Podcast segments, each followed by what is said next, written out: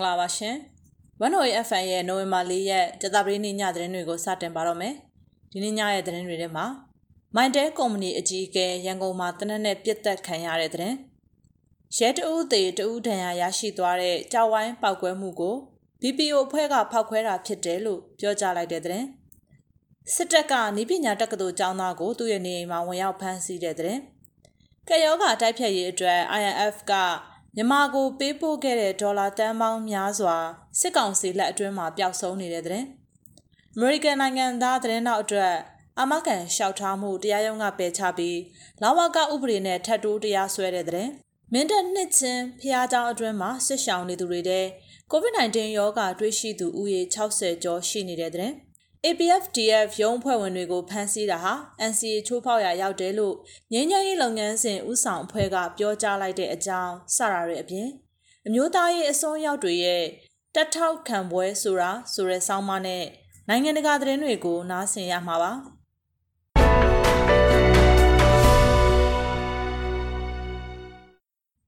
ရန်ကုန်မြို့မယန်းကုန်းမြို့နယ်ခုနှစ်မိုင်မှာရှိတဲ့တေးနုရင်လမ်းမှာနေထိုင်တဲ့မိုင်တဲကုမ္ပဏီရဲ့ Chief Financial Officer ဘိုးမူဟောင်းဦးသိန်းအောင်ကိုတနက်နဲ့ပြစ်တက်ခဲ့တယ်လို့ရန်ကုန်မြို့ပြပျောက်ကြားအဖွဲ့တစ်ဖွဲ့ကမစ္စည်းမကိုအတည်ပြုပြောဆိုပါတယ်။နိုဝင်ဘာ၄ရက်ဒီနေ့မနက်9နာရီခွဲအချိန်ကဦးသိန်းအောင်နဲ့ဇနီးတို့လမ်းလျှောက်ထွက်လာစဉ်မှာသူတို့နေထိုင်ရာတေးနုရင်လမ်းမှာတနက်နဲ့ပြစ်တက်ခံခဲ့ရတာပါ။ပြစ်တက်ခဲ့တဲ့ဖြစ်ရဲ့အသေးစိတ်ကိုမပြောပြလိုဘူးလို့ပျောက်ကြားတပ်ဖွဲ့ဝင်ကပြောပါတယ်။တေးနုရင်လမ်းမှာ စစ်ဗိုလ်မှူးဟောင်းမိုင်းတဲဆက်သွယ်ရေးအရာရှိလင်မယားဒီနေ့မနက်တနက်နဲ့ပြစ်တက်ခံရတယ်ကြားပါတယ်ဗိုလ်မှူးဟောင်းကတော့ပွဲချင်းပြီးတေဆုံးသွားတယ်သူနဲ့အတူလာတဲ့ဇနီးဖြစ်သူကတော့ဒဏ်ရာရရှိခဲ့တယ်လို့သိရတယ်လို့မယန်းကုန်းမြို့နယ်ကပြည်သူတို့ကပြောပါတယ်ဦးသိန်းအောင်ဟာတက်မတော်အရာရှိဟောင်းတဦးဖြစ်ပြီးတော့ရေတက်မှာဘိုးမူးရာတို့အထိတာဝန်ထမ်းဆောင်ခဲ့ကမိုင်တဲကုမ္ပဏီစတင်ထူထောင်ခြင်းကစပြီးတော့ Chief Finance Officer ဖြစ်တာဝန်ထမ်းဆောင်နေသူလည်းဖြစ်ပါတယ်။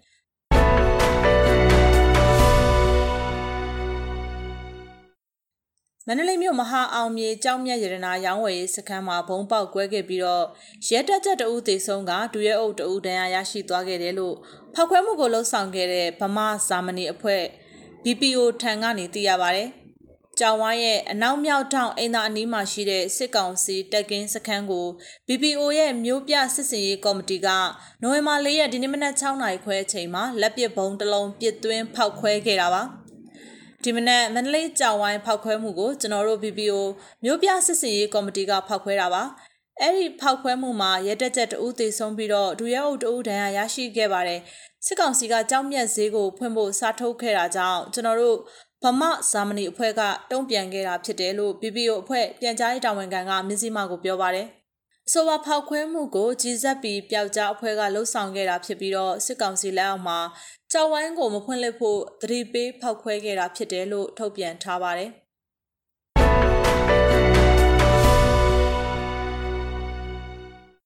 မန္တလေးတိုင်းမိထီလာမြို့နယ်မှာအကြမ်းဖက်စစ်ကောင်စီတပ်သားတွေကနိုဝင်ဘာ3ရက်မနေ့ကဤပညာတက္ကသိုလ်ကျောင်းသားကိုစေရလင်းကိုသူ့ရဲ့နေအိမ်မှာလာရောက်ဖမ်းဆီးသွားတယ်လို့ဒေသခံတွေထံကသိရပါဗျ။ သူဟာဤပညာတက္ကသိုလ်ရတနာဘုံ Cyber City ECE Major တတိယနှစ်မှာပညာသင်ယူနေသူဖြစ်ပါတယ်။မနေ့ည7:00နာရီအချိန်ကလက်နောက်ပြန်လက်ထိတ်ခတ်ပြီးဖမ်းဆီးခေါ်ဆောင်သွားခဲ့တယ်လို့မိထီလာတက္ကသိုလ်ကျောင်းသားများတက်မကဘာကတများအဖွဲ့ချုပ်ကနိုဝင်ဘာ၄ရက်ဒီနေ့မှာထုတ်ပြန်ပါတယ်။ကိုစရာလင်းကိုဖမ်းဆီးသွားပြီးတော့ခဏကြာမှသူ့ရဲ့နေအိမ်ကိုစစ်ကောင်စီတပ်သားတွေကဒုတိယအကြိမ်ပြန်လာရှာပြီး ကိုစရာလင်းရဲ့လက်ကင်ဖုံးကိုထပ်မံရှာဖွေယူဆောင်သွားတယ်လို့သိရပါတယ်။လာရောက်ဖမ်းဆီးရမှာဖမ်းဆီးခေါ်ဆောင်သွားတဲ့နေရာကိုပြောမရကြောင်းအကြောင်းရှိလာရောက်ဖမ်းဆီးတာဖြစ်ကြောင်းနဲ့ထပ်မံဖမ်းဆီးမဲ့သူတွေရှိနေသေးတယ်လို့လည်းစစ်ကောင်စီလက်အောက်ခံတပ်သားတအုပ်ကပြောသွားခဲ့တယ်လို့ထုတ်ပြန်ချက်မှာဖော်ပြထားပါတယ်။နိုင်ငံရေးကျင်းသားများကူညီစောင့်ရှောက်ရေးအသင်း AAPP ရဲ့စီးရင်တွေအရအာနာသိမ်းခဲ့တဲ့ဖေဖော်ဝါရီလနေ့ကနေ နိုဝင်ဘာ3ရက်မနေ့ကအထိဖမ်းဆီးချုံနှောင်ခံထားရသူစုစုပေါင်း9033ဦးရှိနေပြီးတော့အဲ့ဒီအနက်300ဟာထောင်ဒဏ်ချမှတ်ခံထားရတယ်လို့သိရပါတယ်။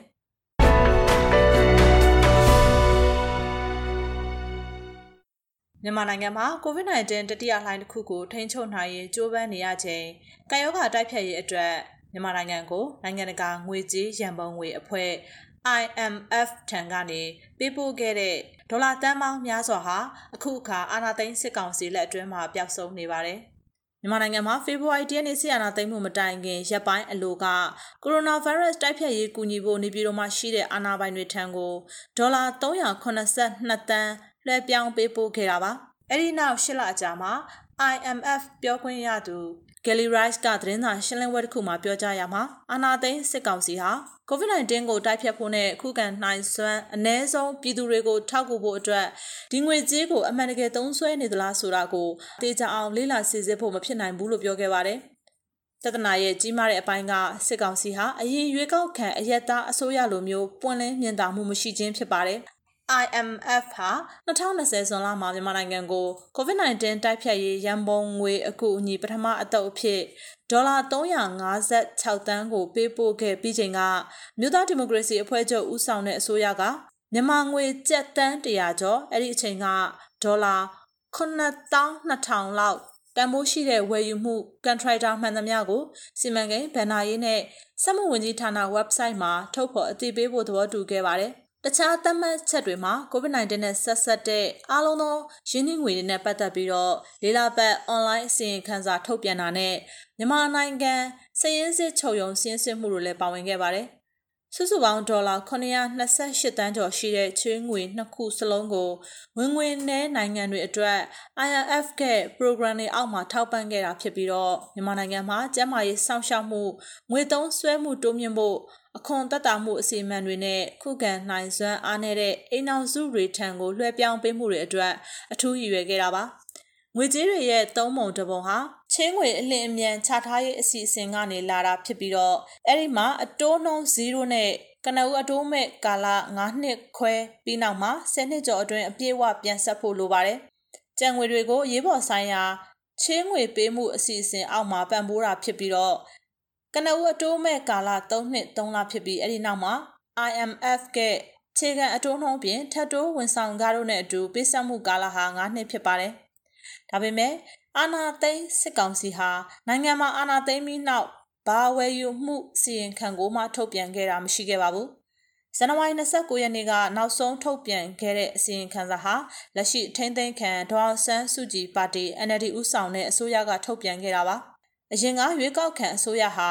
IMF အလှူငွေကြေးတွေကိုလက်အိတ်နှာခေါင်းစည်းနဲ့ aspirin စတာတွေအပါအဝင် အခြားဆေးဘက်ပစ္စည်းတွေဝယ်ယူရမှာအသုံးပြုခဲ့ပါတယ်။အာနာသိမ့်ပြီးနောက် စီမံကိန်းဝန်ကြီးဌာနရဲ့ပထမဆုံးသောကယောဂါနဲ့ဆက်ဆက်သတင်းထုတ်ပြန်ချက်မှာနိုင်ငံပိုင်မြမစီးပွားရေးဘဏ်မှာ COVID-19 ကာကွယ်ဆေးရန်ပုံငွေတရက်ကိုဖော်ပြထားပြီးတော့စည်ရင်းလက်ကျန်တွေအဖြစ်ကျပ်30 trillion အဲ့ဒီအချိန်ကဒေါ်လာ22တန်းခန့်နဲ့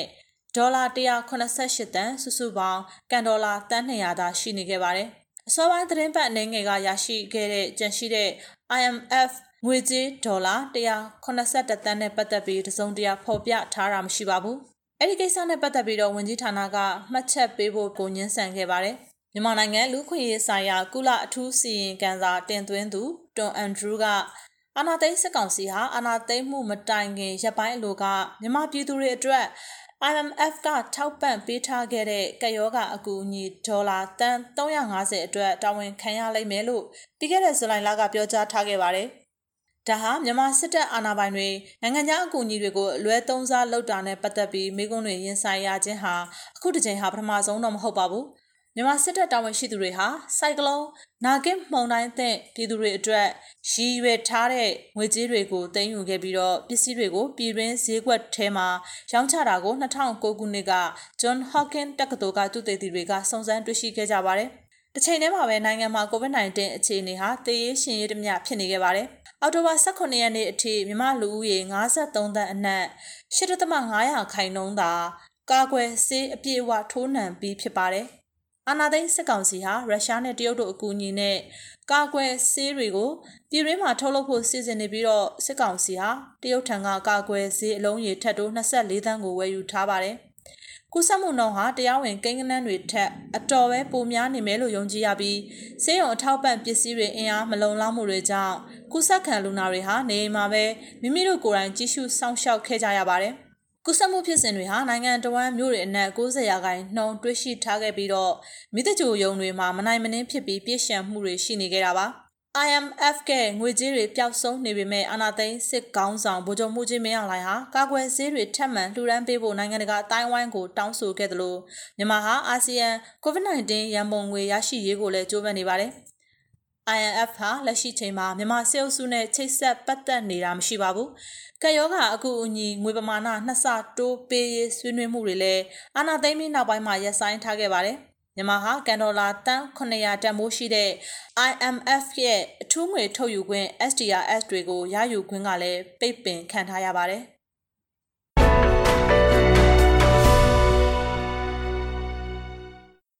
အာနာသိန်းစစ်ကောင်စီရဲ့ဖန်စီထိန်သိမ်းခံထားရတဲ့ American Journalist Danny Fenster ရဲ့အမကန်ရှောက်ထားမှုကို မနေ့ကတရားရုံးကပယ်ချလိုက်ပြီးတော့သူ့ကိုတတိယမြောက်ဆွဲချက်တစ်ခုနဲ့ပါထပ်တိုးတရားဆွဲဆိုလိုက်တယ်လို့သူ့ရဲ့ရှေ့နေဖြစ်သူကနိုဝင်ဘာ၄ရက်နေ့မှာ AFP ကိုပြောကြားလိုက်ပါတယ်။ Frontier မြန်မာသတင်းဌာနရဲ့အုပ်ချုပ်မှုအယ်ဒီတာဒန်နီဖန်စတာဟာပြီးခဲ့တဲ့မေလကနိုင်ငံကနေထွက်ခွာဖို့လှုံ့ဆော်ခဲ့ချိန်မှာလေးစိတ်မှာဖမ်းဆီးထိန်းသိမ်းခံခဲ့ရတာပါ။သူဟာလက်ရှိချိန်မှာစူပူလွန်စော်မှုဆိုင်ရာပုံမှန်905ကကြီး မတရားအသင်းဆက်သွယ်မှုပုံမှားတွေနဲ့တရားစွဲဆိုခံထားရပြီးတော့ဆွဲချက်နှစ်ခုစလုံးအတွက်အပြစ်ရှိကြောင်းအစီရင်ချက်ချခံရတယ်ဆိုရင်ထောင်ဒဏ်6နှစ်အထိချမှတ်ခံရနိုင်ပါတယ်။နိုဝင်ဘာ3ရက်နေ့ကရန်ကုန်အင်းစိန်အကျဉ်းထောင်အတွင်းကြားနာစစ်ဆေးမှုတစ်ခုမှာဒန်နီဖန်စတာကိုလူဝင်မှုကြီးကြပ်ရေးဥပဒေချိုးဖောက်မှုလို့ဆိုတဲ့နောက်ထပ်ပြစ်မှုတစ်ခုနဲ့ပါထပ်တိုးတရားစွဲဆိုခဲ့တယ်လို့ရှင်းနေဦးတန်းစောအောင်က AFP ကိုပြောပါတယ်။ အဲ့ဒီဆွဲချက်ဟာအများဆုံးထောင်ဒဏ်9နှစ်အထိချမှတ်နိုင်ပြီးတော့တရားရုံးစစ်ဆေးမှုကိုတောက်ကြနေမှာစတင်နိုင်ပွဲရှိတယ်လို့သူကပြောပါတယ်။ဘာလို့ဒီလူဝင်မှုဥပဒေနဲ့ဆွဲချက်ထပ်တိုးဆွဲတယ်ဆိုတာကိုအကြောင်းရင်းအတိအကျကျွန်တော်တို့မသိရသေးပါဘူးလို့သူကပြောခဲ့တယ်လို့မျိုး Fanstar ရဲ့ visa ဟာထိမ့်သိမ်းခံရချိန်မှာတက်တမ်းမကုန်သေးဘဲနဲ့တရားဝင်ဖြစ်နေစေဖြစ်တယ်လို့သူကပြောပါတယ်။ ကုလဆိုင်ရာအမေရိကန်တန်မဟောင်းဖြစ်သလိုတစားကန်ထိမ့်သိမ်းခံရသူတွေအရေးညှိနှိုင်းဆွေးနွေးနေတဲ့ B Richardson မြန်မာနိုင်ငံကိုလာရောက်ပြီးတော့နေပြည်တော်အာနာသိန်းစစ်ကောင်းဆောင်တွေနဲ့တွေ့ဆုံပြီးနောက်နေ့မှာ Fanta ဟာဆွဲချက်တစ်ခုနဲ့ဆွဲဆိုခံလိုက်ရတာပါရစ်ချက်ဆန်ဟာပုဂ္ဂလိကလူသားရင်းနှီးမှုမစ်ရှင်တစ်ခုအတွက်မြန်မာနိုင်ငံကိုလာရောက်ခဲ့တာဖြစ်ပြီးတော့သူ့ရဲ့အဖွဲ့အစည်းကထုတ်ပြန်ပြီးအခုခီးစဉ်မှာသူ့အနေနဲ့ Fanta လွတ်မြောက်ရေးကြိုးပမ်းသွားမှာလားဆိုတာကလည်းရင်းထုတ်ပြန်ချက်မှာဖော်ပြမထားပါဘူး။ New Mexico ပြည်နယ်အုပ်ချုပ်ရေးမှူးဟောင်းမြောက်ကိုရီးယား၊ကျူးဘား၊အီရတ်နဲ့ဆူရန်နယ်မှာအမေရိကန်စစ်တီတွေတစားကန်ထိမ့်သိမ်းခံရသူတွေပြန်လည်လွတ်မြောက်ရေးညှိနှိုင်းဆွေးနွေးမှုတွေကိုလှုပ်ဆောင်ခဲ့မှုတယ်လို့သူ့ရဲ့စင်တာရဲ့ website မှာဖော်ပြထားပါတယ်။အသက်38နှစ်အရွယ်အမေရိကန်သတင်းသမားဖန်စတာဟာချိုပိုင်းဆိုင်ရာကျန်းမာရေးအရာကောင်းမွန်ပုံရှိပေမဲ့လည်းဆွဲချက်ထပ်တိုးခံရမှုကြောင့်စိတ်ပြက်နေတယ်လို့ဦးတန်းစောအောင်ကပြောပါတယ် သူဟာထိမ့်သိမ်းခံရစဉ်အတွင်း COVID-19 ကူးစက်ခံခဲ့ရတယ်လို့ယုံကြည်ရကြောင်းမိသားစုဝင်တွေကဩဂုတ်လကအမေရိကန်ဂျာနယ်လစ်တွေကိုတွေ့ဆုံစဉ်ပြောကြားခဲ့ပါတယ်။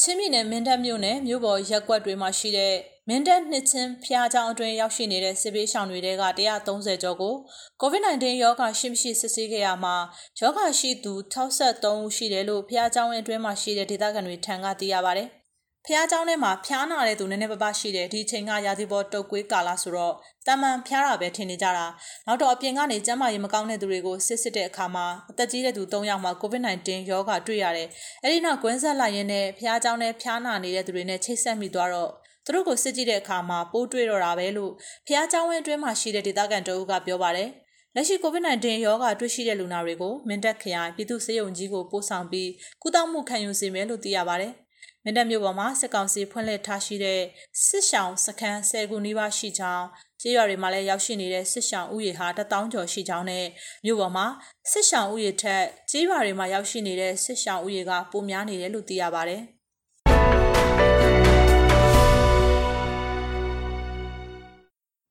မြန်မာနိုင်ငံလုံးဆိုင်ရာအကြောင်းသားများဒီမိုကရက်တစ်တပ်ဦး ABSDF ရဲ့မြောက်ရီမျိုးဆက်ဆံရေးရုံးတာဝန်ခံတဲ့အဖွဲ့ဝင်တွေဖမ်းဆီးခံရတာဟာတနိုင်ငံလုံးပြစ်ခတ်တိုက်ခိုက်မှုရက်စဲရေးသဘောတူစာချုပ် NCA ကိုချိုးဖောက်ရာရောက်တယ်လို့ငြိမ်းချမ်းရေးလုပ်ငန်းစဉ်ဦးဆောင်မှုအဖွဲ့ PPSD ခေါင်းဆောင်ကပြောပါတယ်။နိုဝင်ဘာလရဲ့ဒီနေ့မနက်ပိုင်းကစတင်ပြီးတော့ဗီဒီယိုကွန်ဖရင့်စင်ကျင်းပနေတဲ့ PPSD အဖွဲ့အစည်းအဝေးအဖွဲ့မိန်ကွန်းမှာအဲ့ဒီလိုထည့်သွင်းပြောဆိုခဲ့တာပါ။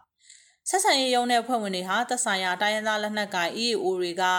နှစ်ဖက်သဘောတူတရားဝင်ခန့်အပ်ထားတဲ့တန်တမန်တွေလိုအရာရှိတွေဖြစ်တာကြောင့်သူတို့ကိုကာကွယ်ပေးရမယ်လို့ NCA စာချုပ်မှာပြဋ္ဌာန်းထားကြောင်းလည်းသူကဆိုပါတယ်။ဒီဒီပြုမှုချက်ဟာ NCA ကိုချိုးဖောက်ရာရောက်တဲ့အတွက်အမြန်ဆုံးပြန်လွှတ်ပေးဖို့ PPSD ကိုစားတောင်းဆိုရဲလို့ NCA ထိုးထားတဲ့တိုင်းရင်းသားလက်နက်ကိုင်အဖွဲ့တွေနဲ့ဖွဲ့စည်းထားတဲ့ငြိမ်းချမ်းရေးလုပ်ငန်းစဉ်ဦးဆောင်ဖွဲ့ PPSD ခေါင်းဆောင်နိုင်အောင်မင်းကပြောပါတယ်။ ABFDF ရဲ့ညဝရီဆက်ဆံရေးယုံတာဝန်ခံနဲ့ရုံးဖွဲ့ဝင်၃ဦးကိုစစ်ကောင်စီလက်အောက်ခံစစ်တပ်ရဲနဲ့ဒေသဆိုင်ရာတာဝန်ရှိသူတွေကနိုဝင်ဘာ၂ရက်နေ့မှာဖမ်းဆီးခဲ့တာပါ။အဆိုပါရဲဘော်လေးဦးဟာဆက်ဆံရေးယုံတာဝန်ခံရဲဘော်အောင်ဘော်ရဲဘော်တင်ဆိုးရဲဘော်ကပ်ပလီနဲ့ရဲဘော်ခင်မောင်ဝင်းတို့ဖြစ်ပြီးညဝရီမြို့အခြေဆိုင်စစ်ကောင်စီတပ်စခန်းတစ်ခုမှာဖမ်းဆီးခံထားရတာပါ။ သူတို့ကိုဘာကြောင့်ဖမ်းခေါ်သွားတယ်ဆိုတာကိုမသိရသေးဘူးလို့ ABSDF ပြောခွင့်ရသူတို့ကနိုဝင်ဘာ3ရက်နေ့မှာမြစည်းမကိုအတည်ပြုပြောဆိုထားပါတယ်။ဒီနေ့ပြုလုပ်တဲ့ PPSD အစည်းအဝေးမှာအကျဉ်းချခံနေရစေတရားရင်ဆိုင်နေရစေ EAO အဖွဲ့ဝင်တွေကိုလှုပ်ပေးဖို့ကိစ္စစစ်ကောင်စီပြုလုပ်နေတဲ့ PR စနစ်ရွေးကောက်ပွဲကိစ္စအာဆီယံအစည်းအဝေးကိစ္စတွေအပြင်ထန်တလန်မှာရှိတဲ့နေနဲ့ဖျားเจ้าတွေမိရှို့ဖျက်ဆီးခံရတဲ့ကိစ္စရပ်တွေကိုဆွေးနွေးသွားမှာဖြစ်တယ်လို့သိရပါတယ်။ ဒါအပြင် PPSD ရဲ့နိုင်ငံရေးရပ်တည်ချက်ခုနှစ်ချက်ကိုအကောင့်ထဲပေါ်မှုအခြေအနေ COVID-19 ကိစ္စနဲ့ UN ကအသစ်ခန့်အပ်ထားတဲ့အထူးကိုယ်စားလှယ်ဒေါက်တာနိုလင်ဟေဇာကိုချိတ်ဆက်ဆောင်ရွက်ဖို့အရေးတွေကိုလည်းဆွေးနွေးသွားဖို့ရှိတယ်လို့ထုတ်ပြန်ထားပါတယ်။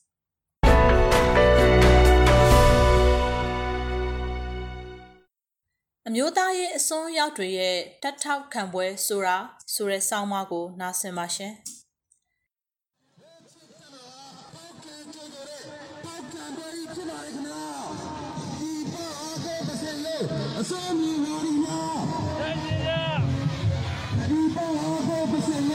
လို့အစော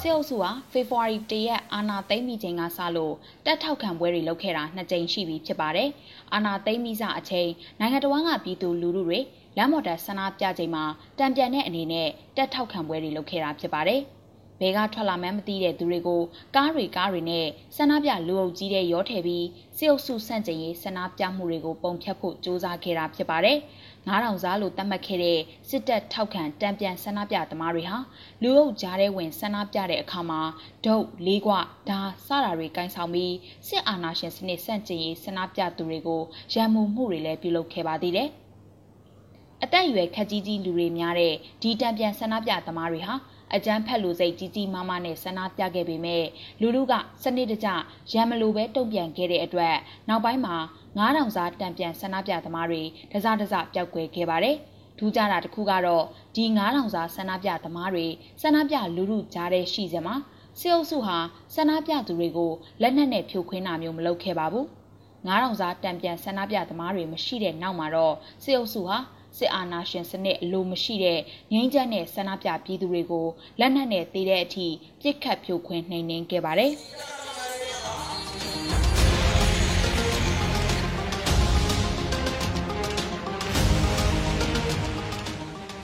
မင်းအောင်လှိုင်ခေါင်းဆောင်တဲ့စေအုပ်စုဟာအာဏာသိမ်းမှု၉လအကြာမှာတော့တက်ထောက်ခံပွဲတွေကိုပြန်လုပ်လာခဲ့ပါတယ်။9000စားတွေလည်း1000စား1000ခွဲစားတွေဖြစ်ကုန်ပါတယ်။ နိုင်ငံအနှံ့မြို့ကြီးတွေမှာတပြိုင်နက်တည်းဆိုသလိုတက်ထောက်ခံပွဲတွေကိုဇက်တိုက်လှုပ်ဆောင်လာတာဖြစ်ပြီးຫນွေဦးတော်လန်ရေးနဲ့ထက်ကွာကွာဖြစ်နေတဲ့ရခိုင်ဒေသမှာတောင်တက်ထောက်ခံပွဲတွေရှိလာပါတယ်။ဒီတက်ထောက်ခံပွဲပါဝင်သူတွေကိုနေစားကပေးပြီးခေါ်ထားတာဖြစ်ပြီးစစ်တပ်လက်အောက်ခံလက်နက်ကိုင်အဖွဲ့တွေကလုံခြုံရေးယူပေးပြီးပြုလုပ်ခဲ့ကြတာဖြစ်ပါတယ်။ တက်ထောက်ခံပွဲတွေကိုစစ်အာဏာရှင်စနစ်ကိုလက်နက်ကင်တော်လှန်နေတဲ့တော်လှန်ရေးအင်အားစုတွေဘက်ကတိုက်ခိုက်မှုတွေပြုလုပ်နေတဲ့ဂျားတွေကကိုဆက်လုပ်နေတာဖြစ်ပါတယ်။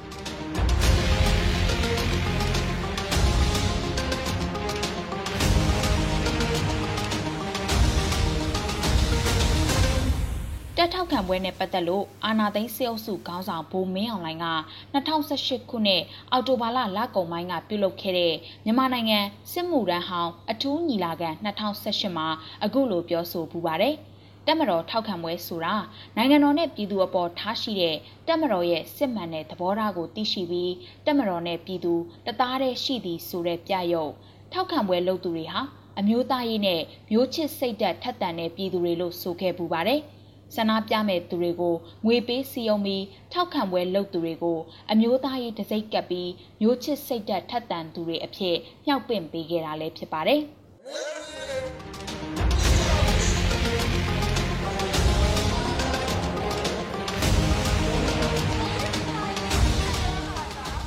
မြန်မာနိုင်ငံဟာအင်္ဂလိပ်လက်အောက်သူ့ကြုံဘဝရောက်ခဲ့စဉ်ကအမျိုးသားရေးခေါင်းထောင်မှုကြီးကြီးမားမားရှိခဲ့ပါတယ်။ဒီအမျိုးသားရေးဟာ လူမျိုးကွဲပြားမှုကိုးဝယ်ရာဘာသာမတူညီမှုကိုအခြေခံတာမဟုတ်ဘဲသူ့ကြုံဘဝကနေလွတ်မြောက်ပြီးကိုထီးကိုနန်းကိုကြငန်းနဲ့နေထိုင်နိုင်ရေးအပီးတိုင်လွတ်လပ်ရေးကိုဦးတည်တဲ့အမျိုးသားရေးသာဖြစ်ပါတယ်။ဒီအမျိုးသားရေးအခြေခံလှုပ်ရှားမှုတွေကနေပဲတခင်ဆိုတဲ့အမိတက်မှုတွေရှိလာတာဖြစ်ပါတယ်။ ဒီတနိုင်ငံလုံးကိုခြုံလွှမ်းတဲ့အမျိုးသားရေးစိတ်အခမ်းနဲ့နာမည်အမျိုးမျိုးနဲ့ဗမာတက်မတော်ကြီးဖြစ်လာခဲ့တယ်လို့လွတ်လပ်ရေးရယူဖို့အတွက်လဲဥဆောင်တိုက်ပွဲဝင်ခဲ့တာကြောင့်1948ခုနှစ်ဇန်နဝါရီလ4ရက်မှာမြန်မာနိုင်ငံဟာလွတ်လပ်တဲ့နိုင်ငံအဖြစ်ပြန်ရောက်ရှိခဲ့တာဖြစ်ပါတယ်။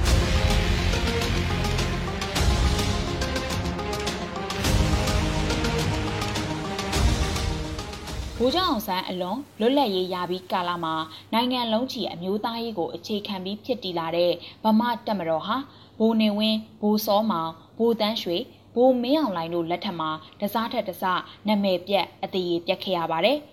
စစ်တပ်ကြီးစိုးရေးဝါဒဗမာကြီးစိုးရေးဝါဒအားကောင်းတစ်ထက်အားကောင်းလာအောင် အမျိုးသားရေးဆိုတာကိုလက်နက်တပွဲသုံးပြီးအမျိုးမျိုးပုံဖော်သုံးဆွဲခဲ့ပါတယ်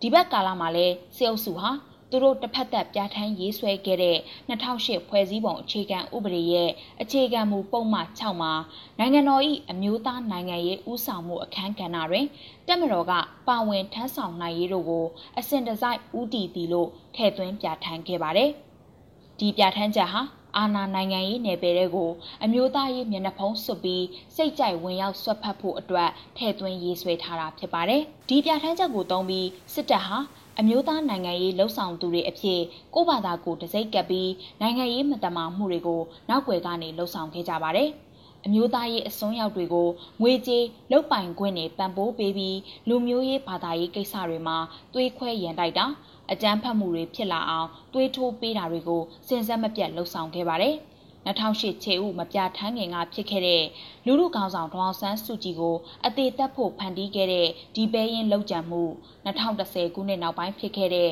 ရခိုင်အရေးခင်မိထီလာထန်ကုန်းအုတ်ကန်စတဲ့မြို့တွေမှာဖြစ်ခဲ့တဲ့ဘာသာရေးလူမျိုးရေးအကြမ်းဖက်မှုတွေဟာစေအုပ်စုကနောက်ွယ်ကနေဖန်တီးခဲ့တဲ့စနက်တွေသာဖြစ်ပါတယ်။ ရှေ့နေဦးကိုနီနဲ့အငားရင်မောင်ကိုနေဝင်းတည်ဆုံမှုတွေဟာနိုင်ငံရေးလှုပ်ကြံမှုတွေဖြစ်ပေမဲ့အမျိုးသားရေးအမိခံဘာသာရေးလူမျိုးရေးအတူရောင်သမားတွေကပြောင်ပြောင်တင်းတင်းကိုအားပေးထောက်ခံကြောင်းထုတ်ဖော်မှုတွေရှိခဲ့တယ်လို့စေအုပ်စုတာဝန်ရှိသူတွေကလည်းဒါဟာလူငယ်တဘာဝပါဆိုပြီးအဆက်သိက္ခာမဲ့စွာနဲ့သတင်းစာရှင်းလင်းပွဲတွေမှာထုတ်ဖော်ပြောဆိုခဲ့တာတွေရှိပါတယ်။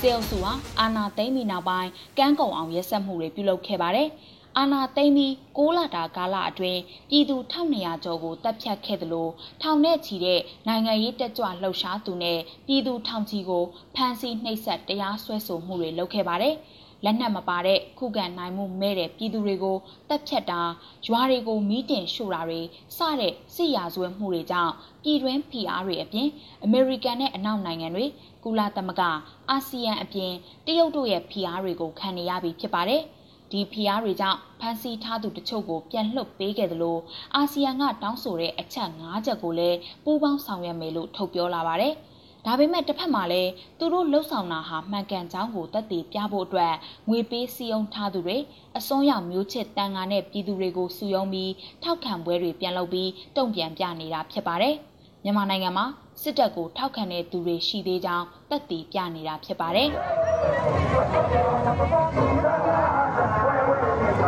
။ ရခိုင်မှာပြီးခဲ့တဲ့ရက်ပိုင်းကလှုပ်ခဲ့တဲ့တက်ထောက်ခံပွဲမှာဆိုရင်ကြံတဲ့ဒေသတွေမှာလှုပ်ခဲ့တဲ့တက်ထောက်ခံပွဲတွေနဲ့မတူအောင်အကွက်ကြကြရည်ရွယ်ချက်ရှိရှိလှုပ်ခဲ့ပါတယ်။တက်ထောက်ခံပွဲမှာပါဝင်သူတွေကိုရခိုင်ရိုးရာဝတ်စုံတွေဝတ်ခိုင်းပြီးအမျိုးသားရေးအမိခံပြီးလူမျိုးရေးအခြေခံအမျိုးသားရေးဖြစ်အောင်ဖန်တီးလှုပ်ဆောင်ခဲ့ပါတယ်။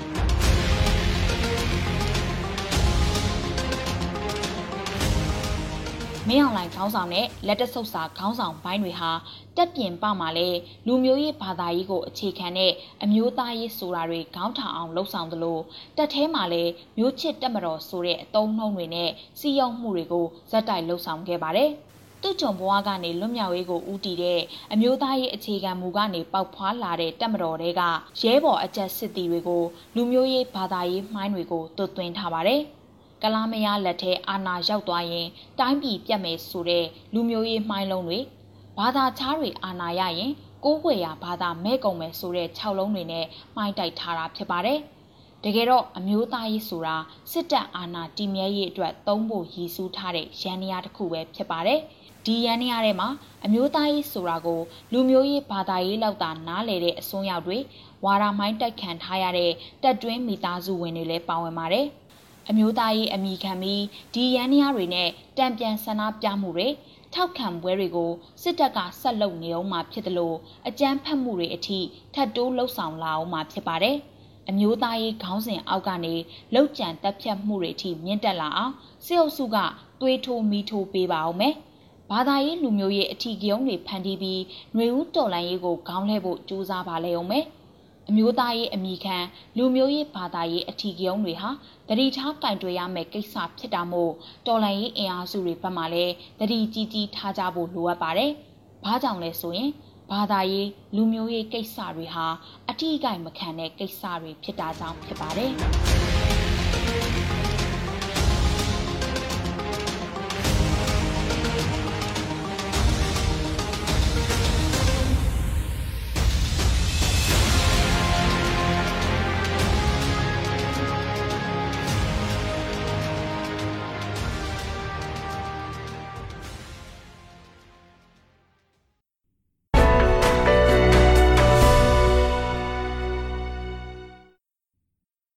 ဆက်လက်ပြီးတော့နိုင်ငံတကာသတင်းတွေကိုတင်ဆက်ပေးမှာပါ။ကပူးမြို့စစ်ဆေးရုံမှာ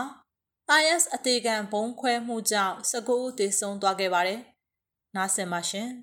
။တာလီဘန်တို့အာဏာသိမ်းပြီးနောက်ပိုင်းအာဖဂန်နစ္စတန်တွင်နောက်ဆုံးဖြစ်ပွားခဲ့တဲ့ရက်ဆက်ကြမ်းကြုတ်မှုအဖြစ်ကပူးကစစ်ဆေးရုံတစ်ခုကိုနိုဝင်ဘာလ2ရက်အင်ကာနေ့ကအသေးခံဘုံခွဲတိုက်ခိုက်မှုတစ်ခုဖြစ်ပွားခဲ့ရမှာ 19ဦးသေဆုံးပြီးလူ90ထက်မနည်းဒဏ်ရာရရှိခဲ့ပါတယ်။တာလီဘန်ရဲ့ပြိုင်ဘက် IS အဖွဲ့ကအခုလိုမျိုးလေကောင်ကတနက်နဲ့ပြစ်ခတ်ပြီးအသေးခံဘုံခွဲတိုက်ခိုက်မှုကို၎င်းတို့လှုပ်ဆောင်ခဲ့တာဖြစ်ကြောင်းထုတ်ဖော်ပြောကြားခဲ့ပါတယ်။အစ္စလာမစ်နိုင်ငံတော်ခိုရာဆန်က၎င်းရဲ့ Telegram Channel ကထုတ်ပြန်ချက်မှာ IS အုပ်စုရဲ့တိုက်ခိုက်ရေးသမား9ဦးဟာတပြိုင်နက်ပူးပေါင်းတိုက်ခိုက်မှုတစ်ခုပြုလုပ်ခဲ့ကြောင်းဖော်ပြထားပါတယ်။ IS အကြမ်းဖက်သမားတွေကဆေးရုံမှာရှိတဲ့အရက်သားတွေ ဆရာဝန်နဲ့လူနာတွေကိုပြစ်မှတ်ထားနေတယ်လို့တာလီဘန်ရဲ့ပြောခွင့်ရ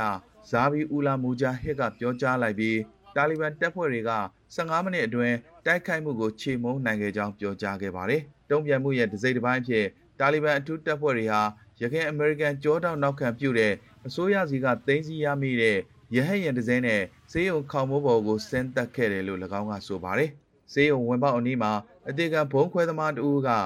င်းရဲ့ဖောက်ခွဲရေးပစ္စည်းတွေကိုဖောက်ခွဲတိုက်ခိုက်ရာကစတင်ဖြစ်ပွားခဲ့ခြင်းဖြစ်ပါတယ်။အဲဒီနောက်မှာတနက်သမားတွေကဆေးရုံအတွင်းကိုဝင်ရောက်ကာပစ်ခတ်ခဲ့ကြပါတယ်။တိတ်ဆုံးသူ19ဦးနဲ့ဒဏ်ရာရရှိသူ90ဦးကိုကပူးမြို့ဆေးရုံတွေကိုပို့ဆောင်ထားကြောင်းအမည်မဖော်လိုတဲ့ကျန်းမာရေးဝန်ကြီးဌာနမှတာဝန်ရှိသူတို့က AFP ကိုပြောပြပါတယ်။မူဂျာဟစ်ကတော့တေဆုံးသူအရေးအတွက်ကိုရှော့ချနိုင်ခဲ့ပေမဲ့တေဆုံးသူတွေထဲမှာတာလီဘန်တိုက်ခိုက်ရေးသမား2ဦးမျိုးသမီး2ဦးနဲ့ ကလေး2ဦးတို့ပါဝင်ခဲ့ကြောင်းစေယုံအပြင်ဘက်မှအတည်ပြုပြောကြားခဲ့ပါတယ်။တိုက်ခိုက်မှုစတင်ချိန်မှာစေယုံမှာပိတ်မိနေတဲ့အမျိုးသမီး2ဦးကတော့သူမနဲ့သူ့တငယ်ချင်း2ယောက်သားဘဝတော်ဆုံးခန်းတိုင်သွားပြီလို့ခံစားခဲ့ရကြောင်း AFP ကိုပြောပြခဲ့ပါတယ်။တကားမှာပောက်ကွဲမှုတစ်ခုဖြစ်ခဲ့တယ်လို့ကြပြားဆရာနဲ့ကတိကတူဖြစ်တဲ့ရူဝနာဒဝါရီကဆိုပါတယ်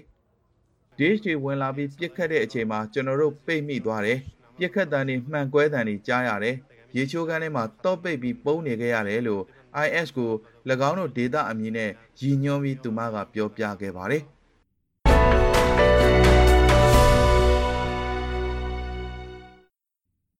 One OFN ရဲ့ဒီနေ့ညသတင်းတွေကတော့ဒီလောက်ပါပဲ။နားဆင်ကြကြသူတွေအားလုံးကျမ်းမာကြပါစေရှင်။